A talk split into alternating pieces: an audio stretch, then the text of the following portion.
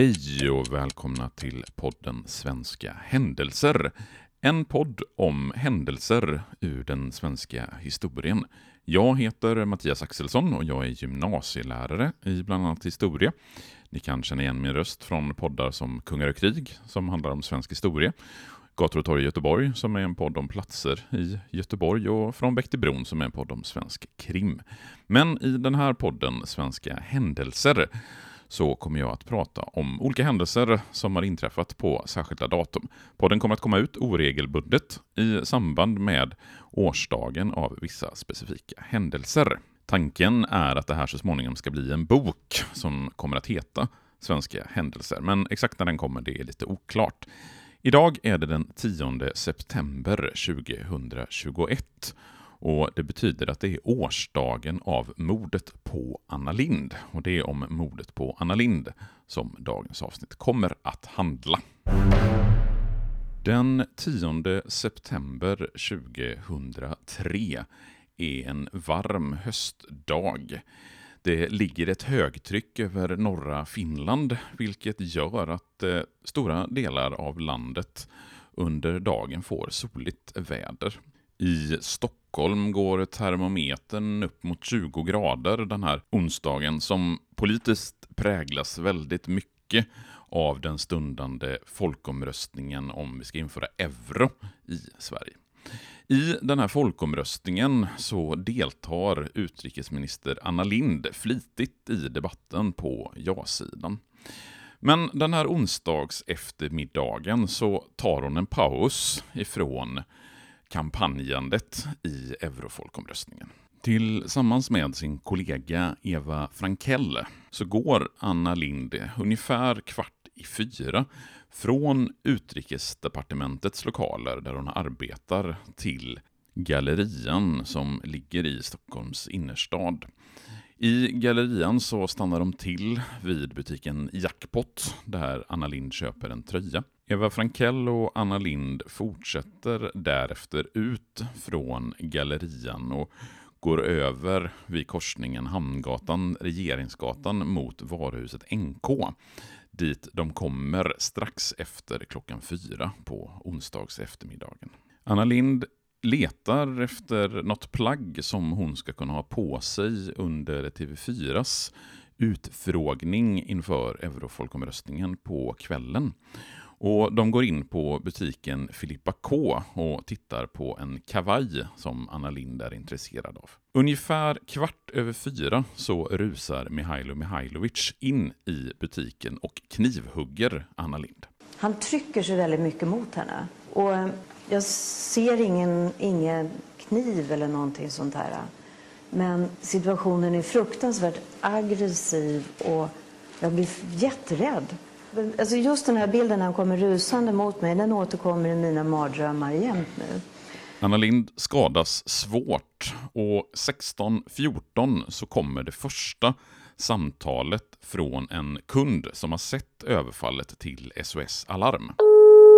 132 intressant. Hej, eh, det har blivit, eh, någon har blivit knivhuggen uppe på NK, på Filippa K. Vi behöver ambulans hit med en gång.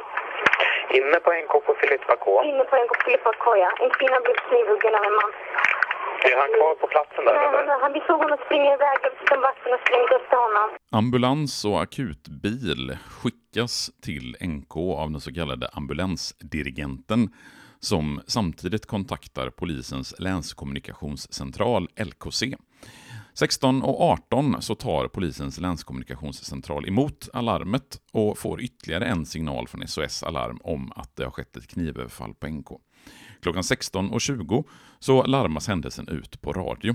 Redan klockan 16.21, alltså mindre än 10 minuter efter knivöverfallet, så är ambulans och polis på plats vid NK.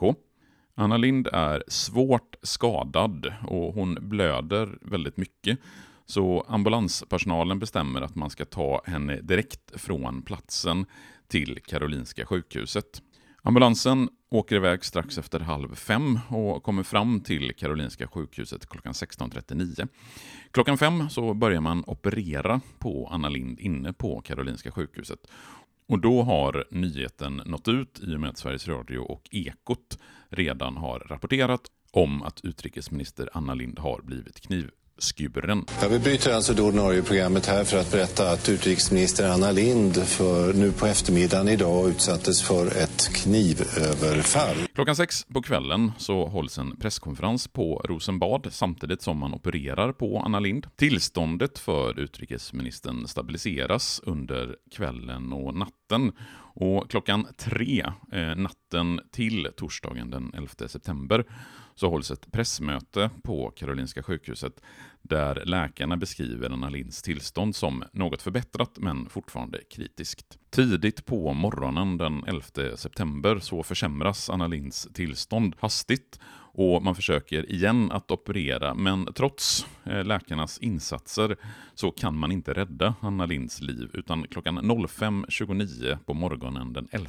september så dör Anna Lind till följd av de skador som hon utsatts för i knivattacken på NK. Enligt TT uppger eh, i denna stund att utrikesminister Anna Lind har avlidit.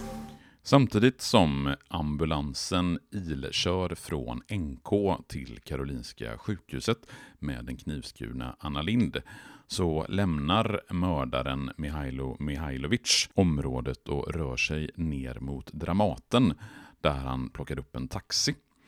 Taxin kör Mihailo Mihailovic till hans mammas lägenhet i Tullinge. Där stannar taxin medan Mihailo Mihailovic går upp och hämtar en kasse med eh, kläder och 3000 kronor för att han ska kunna betala taxichauffören för att kunna bli körd till Hovsjö utanför Södertälje. Där byter Mihailo Mihailovic kläder och tänder eld på den väska där han har lagt de kläder som han hade på sig när han knivhögg Anna Lind. I Hovsjö så har Mihailovic en kamrat som han sover över hos under kvällen från den eh, 10 till den 11 september. Dagarna som följer efter mordet så bor Mihailo Mihailovic i en lägenhet i Solna samtidigt som polisen letar efter honom. Dock så grips först en annan man för mordet, han som har kommit att kallas för 35-åringen. 35-åringen var tidigare dömd för cirka 40 andra brott och på måndagen den 15 september, alltså bara ett par dagar efter mordet, så anhålls mannen skäligen misstänkt i sin frånvaro för mordet på Anna Lind. Sen grips han på kvällen den 16 september i samband med en fotbollsmatch mellan Djurgården och Hammarby. Men eftersom det inte är 35-åringen som är mördaren så släpps han den 24 september. Samma dag grips i stället Mihailo Mihailovic i sitt hem i Tullinge av den nationella insatsstyrkan och han häktas två dagar därefter på sannolika skäl misstänkt för mordet på Anna Lind. Mihailovic nekar initialt till anklagelserna om att det är han som är mördaren. Men i början av 2004 så erkänner Mihailovic för sin advokat att han är skyldig. Han menar att han har hört röster i sitt huvud som har sagt till honom att han ska mörda Anna Lind när han såg honom. Rättegången påbörjas i januari 2004 och i tingsrätten så döms Mihailovic den 23 mars till livstidsfängelse. Tingsrättens dom överklagades, men den 2 december 2004 så fastställde Högsta domstolen tingsrättens dom och Mihailo Mihailovic dömdes till livstidsfängelse. Ett år och tre månader efter mordet faller den slutgiltiga domen. Det var uppsåtligt mord och domen blir livstidsfängelse. Mordet på Anna Lind den 10 september 2003 är central i den svenska historien av flera olika skäl. Dels så är det ju ovanligt att högt uppsatta politiker i Sverige mördas på det här sättet. Olof Palme, statsministern, mördades ju 1986 och innan dess så får vi nästan gå tillbaka till slutet av 1700-talet och Gustav III mördades av eh, Ankarström. Så bara av den anledningen så är ju den här händelsen central i den svenska historien. Sen var ju Anna Lind av många redan utsedd till Göran Perssons efterträdare som partiledare och därmed också som statsminister. Vi vet ju inte om Göran Persson hade avgått och om Anna Lind då hade efterträtt honom. Men det har ju åtminstone spekulerats väldigt mycket efter mordet att Anna Lind var påtänkt som efterträdare och att vi hade haft en helt annan utveckling i det socialdemokratiska partiet och därmed i den svenska politiken om mordet på Anna Lind inte hade inträffat den 10 september 2003. Det här var det första avsnittet av podden Svenska händelser. Podden kommer att komma ut med oregelbundenhet i anslutning till årsdagen av specifika svenska händelser i historien.